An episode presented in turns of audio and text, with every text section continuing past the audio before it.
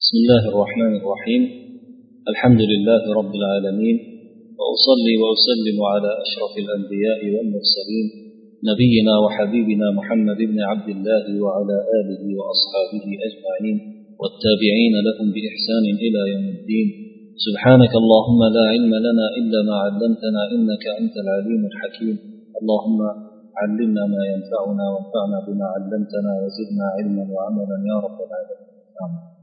Muhtaram birodarlar o'tgan suhbatimizda muallif rahimaulloh ko'p naqllarni boshlab abul abbos ahmad ibn abdul ahmad ibn abdul halim ibn abdussalom ibn taymiya rahimaullohning al javob sahih liman baddala din al masih masih alayhissalom dinini o'zgartirganlarga to'g'ri javob kitobidan uzundan uzoq naqlni boshlagan naqllarda muallif rahimaulloh o'sha kitobdan rasululloh sollallohu alayhi vasallamning da'vatlaridagi bo'lgan da'vatlariga bo'lgan to'g'anoqlar mushriklarning sarkashliklarcha u kishidan turli mo'jizalar talab qilishlari mo'jizalarni ham talab qilganlarida o'z insoniylik chegaralaridan chiqib ketib haq subhanahu va taologa juda kattalik qilganlaricha ojizona savollar ya'ni kishini ojiz qiluvchi bezbetlarcha savollar berganliklarini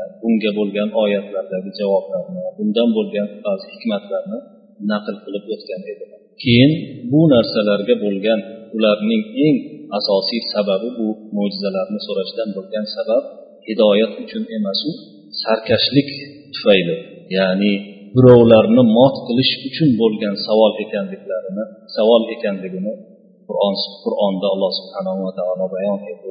Ular baribir bunday mo'jizalar ularga tushirilganda ham ularning savollariga ijobat qilinganda ham ular hech qachon mo'min bo'lmas ekanliklarini balki azobga giriftor bo'lishlarini balki butunlay umumiy tag tubi bilan qo'porib yuboruvchi azobga butunlay yo'q qilib yuboruvchi azobga giriftor bo'lajaklarini aytib qur'on qur'oni karimda alloh subhanava taolo mo'minlarga tasalli bergan edi. Muallif naql qilishda davom etar ekan o'sha ma'nodagi al javobi sahih kitobini sohiblaridan yana shu so'zlarni naql وذكر عن أهل الكتاب أنهم سألوا موسى أكبر من ذلك وهو رؤية الله جهرة.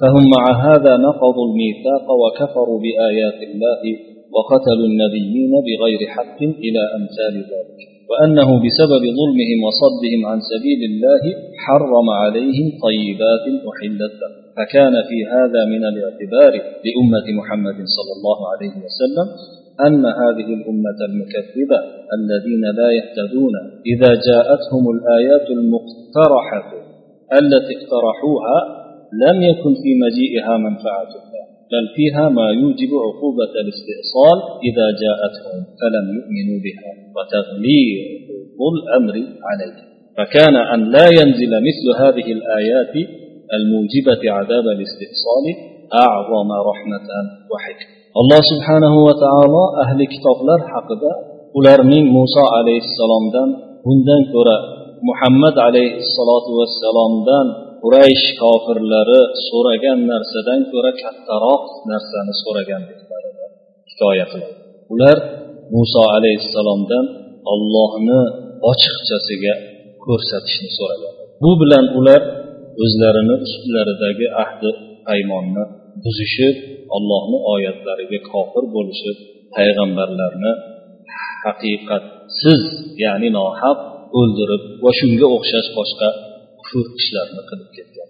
Ana shu zulmlari sababli olloh yo'lidan to'sganliklari sababli alloh subhanahu va taolo ularga ilgari halol bo'lgan ba'zi halol taomlarni narsalarni harom qilib qo'yganini bayon bu narsalarning hikoya qilinishida qur'oni karimda hikoya qilinishida muhammad sollallohu alayhi vasallamni ummatlariga ibratlar borki ana shunday hidoyatga ergashmaydigan hidoyat yo'lidan yurmaydigan yolg'onga chiqaruvchi ummat o'zlariga o'zlari so'ragan mo'jizalar yetib keladigan bo'lsa bu mo'jizalarni kelishida ularga manfaat emas balki agar shu mo'jizalar kelib yana iymon keltirmaydigan bo'lsalar ularning tag tubi bilan qo'porib yuborilishiga olib keladigan mana shunday uqubatga duchor bo'ladigan narsalar borligini bayon qildi demak mana shunday taktubi bilan yo'qotib yuborishga sabab bo'ladigan mo'jizalarning kelmasligi muhammad sollallohu alayhi vasallamning ummati uchun juda katta rahmat va hikmat bo'ldi وقد عرض الله على محمد صلى الله عليه وسلم أن يهلك قومه لما كذبوه فقال بل أستأني بهم لعل الله أن يخرج من أصلابهم من يعبد الله لا يشرك به شيئا. كما في الصحيح عن عائشة رضي الله عنها أنها قالت للنبي صلى الله عليه وسلم هل أتى عليك يوم أشد من يوم أحد؟ فقال لقد لقيت من قومك وكان أشد ما لقيت منهم يوم العقبة. إذ عرضت نفسي على ابن عبد يالي ابن عبد كلاب فلم يجبني إلى ما أردت. فانطلقت على وجهي وأنا مهموم فلم أستفق إلا وأنا بقرن الثعالب فرفعت رأسي فإذا غمامة قد أضلتني فإذا جبرائيل فناداني فقال إن الله سمع قول قومك وما ردوا عليك وقد بعث إليك ملك الجبال ملك الجبال لتأمره بما شئت فيهم فناداني ملك الجبال فسلم علي وقال إن الله قد سمع قول قومك لك وما ردوا عليك وقد بعثني إليك لتأمرني بما شئت إن شئت أطبق عليهم الأخشبين فقال بل أرجو أن يخرج الله من أصلابهم من يعبد الله لا يشرك به شيئا أخرجه الله سبحانه وتعالى محمد عليه الصلاة والسلام qavmlari u kishini yolg'onchiga chiqarib haydab solganida agar xohlasalar qavmini olloh halok qilib berishini ham aytgan. Shunda rasululloh sollallohu alayhi vasallam o'zlarini mashhur gaplarini aytgan edi. Balki men bularga shoshmayman. Shoyatki alloh subhanahu va taolo ularning bellaridan pushti kamaridan alloh taologa ibodat qilib u zotga hech bir sherik keltirmaydigan kishilarni chiqarib qo'ysa degan bu narsa sahihda imom buxoriy imom muslimda oysha roziyallohu anhudan rivoyat qilinadiki payg'ambar sallallohu alayhi vasallamga bir kuni u kishi oysha onamiz sizga uhud kunidan ko'ra qattiqroq bo'lgan og'ir bo'lgan kun ham kelganmi? deb so'radi. Shunda rasululloh sollallohu alayhi vasallam javob berdilarki men qavmimdan ko'p narsalarni boshdan kechirdim. Menga ko'p aziyatlar keldi. Shularning ichida menga eng qattiq og'ir botgani eng qattiq bo'lgani aqaba kuni edi.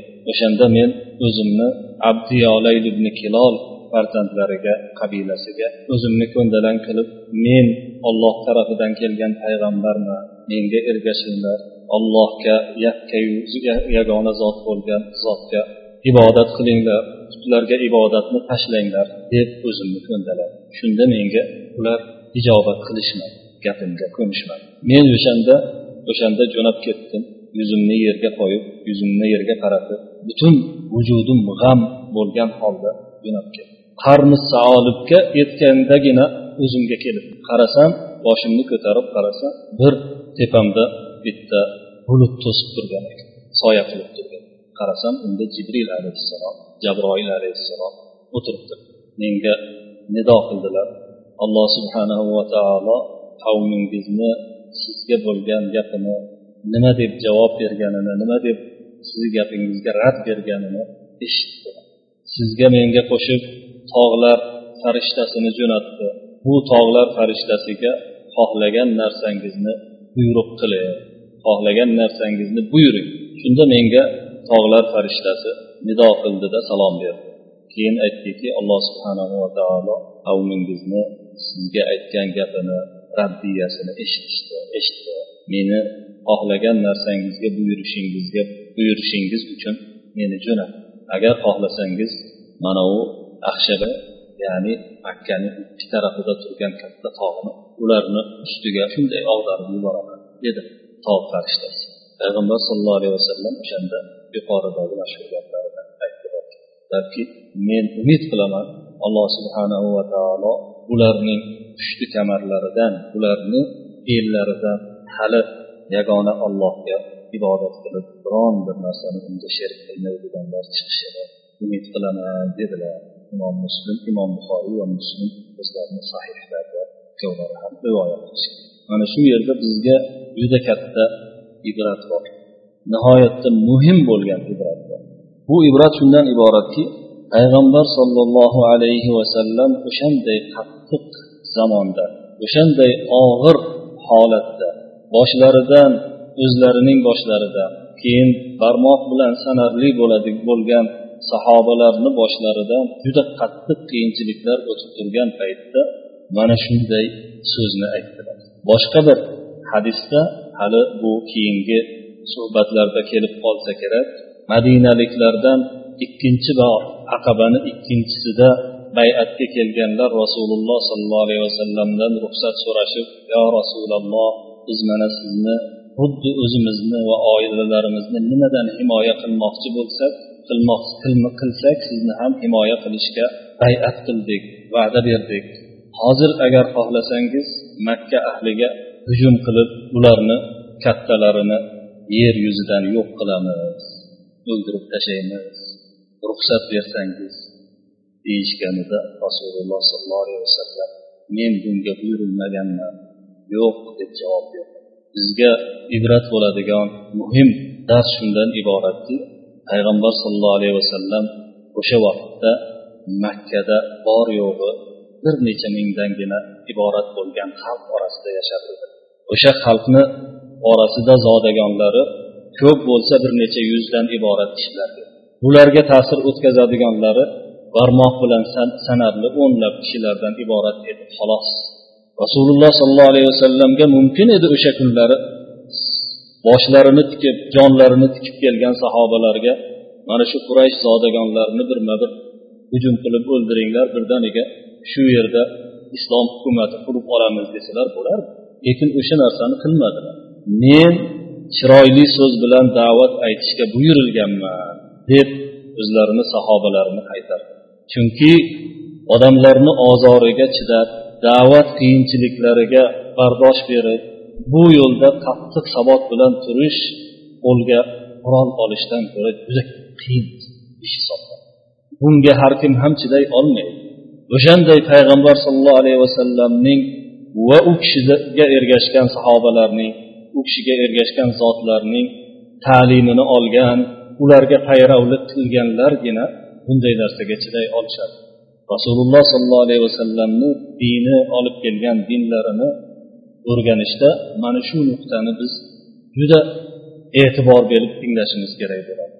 Mana shu nuqtada noto'g'ri fikrga borib kelish borib qolish xatarli narsalarga olib borishi mumkin mana shu yerda ham qarang rasululloh sollallohu alayhi vasallam bu kofirlardan umidlari bo'lmasa ham umidlari bo'lmaganligiga dalil shuki bu kishi g'amgin bo'lganliklaridan ollohni dinini endi kimga yetkazaman? Hammaga aytib bo'ldimku deganliklaridan boshlarini yerga qaratib yo'lda davom etdilar. Bilmadilar qayoqqa ketayotganlarini qanday holatda ketayotganlarini ham bilmadilar. Qarni saolibga kelganda farishta chaqirayotganda boshlarini ko'tarib bilib qoldilar bu nihoyatda qattiq holatga tushganni alomati hisoblanadi. Bunday holatga tushgan odam juda qattiq qiyinchilikka ruhiy tushkunlikka tushgan odam hisoblanadi. Agar alloh subhanava taoloni suyukli payg'ambari bo'lmaganliklarida alloh subhanava taolodan vahiylar kelib turmaganida bunday narsaga bilmadim qanday odam bardosh qila olishi mumkin. Ana shunday holatda ham rasululloh sollallohu alayhi vasallamga farishta kelib olloh buyuryapti menga.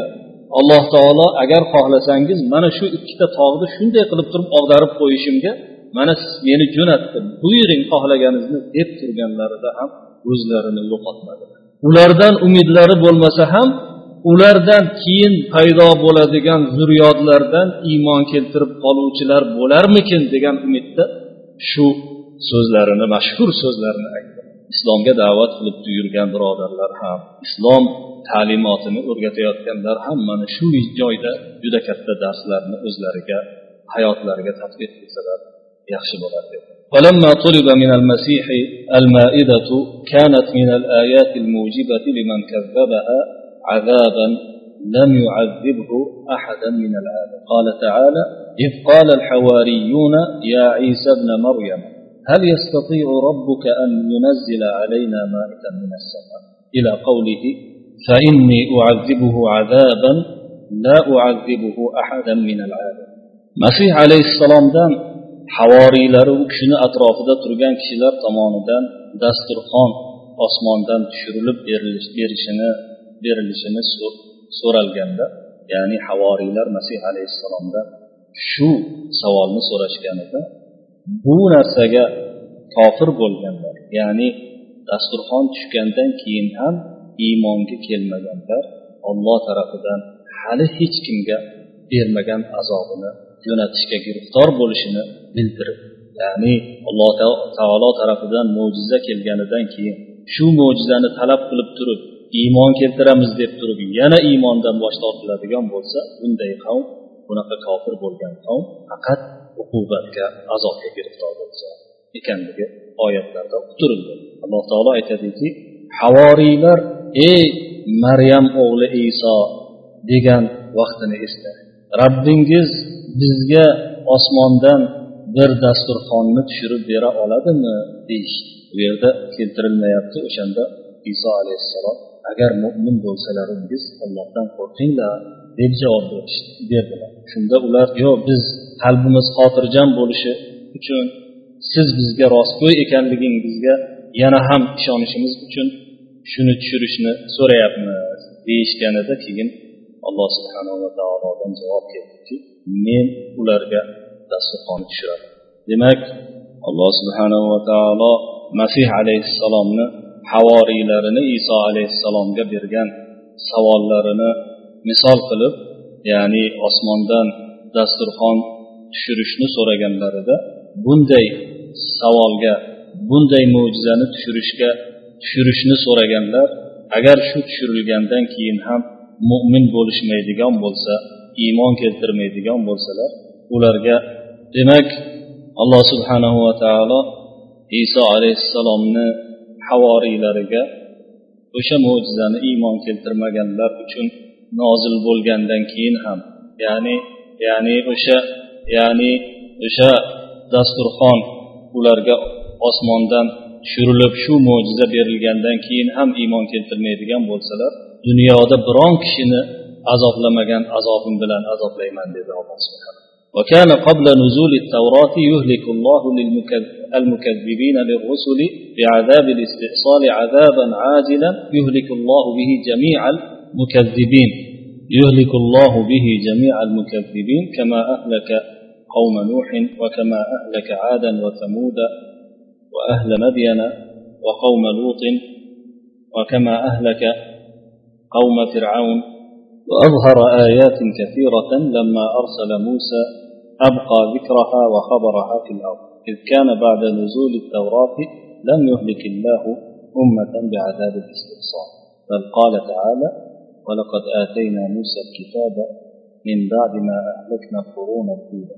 بل كانوا بل كان بنو إسرائيل لما يفعلون ما يفعلون من الكفر والمعاصي يعذب بعضهم ويبقى بعضهم.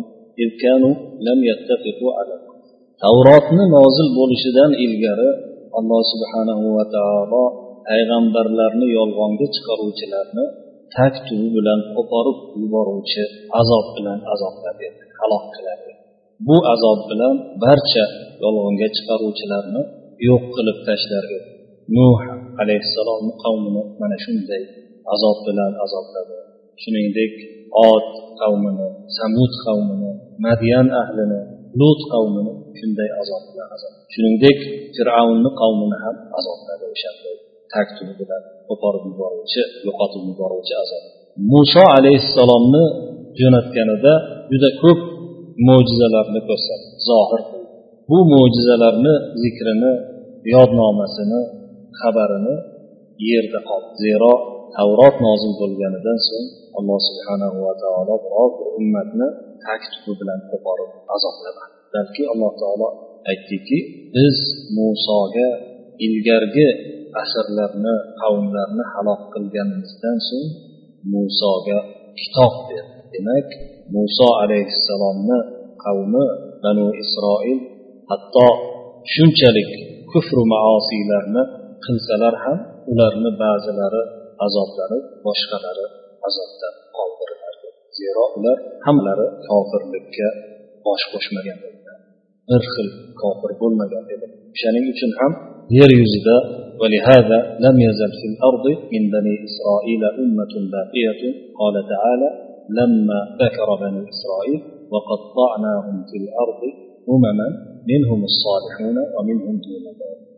وقال ومن أهل الكتاب ومن أهل الكتاب أمة قائمة min ahli kitabi ummatun qoimatun yatluna ayat shuning uchun ham yer yuzida banu isroildan qolgan ummatlar davom etib keldi. Ularni zurriyotlari davom etib keldi. Alloh taolo banu isroilni zikrini qilganida shunday biz ularni yerda turli xalqlarga turli ummatlarga bo'lib tashladik. Ularning orasida solihlar ham bor va undan boshqalari ham ya'ni solih bo'lmagan fosil buzg'unchi qavmlar ham. Aytadiki ahli kitoblar orasida shunday ummatlar ham bor. Ular olloh uchun qoim bo'lishib ollohni oyatlarini tilovat qiladi deb keladi. Suhbatni mana shu yeriga yetganida sizlar bilan xayrlashamiz. Keyingi suhbatda ushbu mavzuni davom ettirish niyatida suhbatga yakun yasaymiz sallallohu vasallam va baraka ala nabiyina muhammad va ala alihi va ashabihi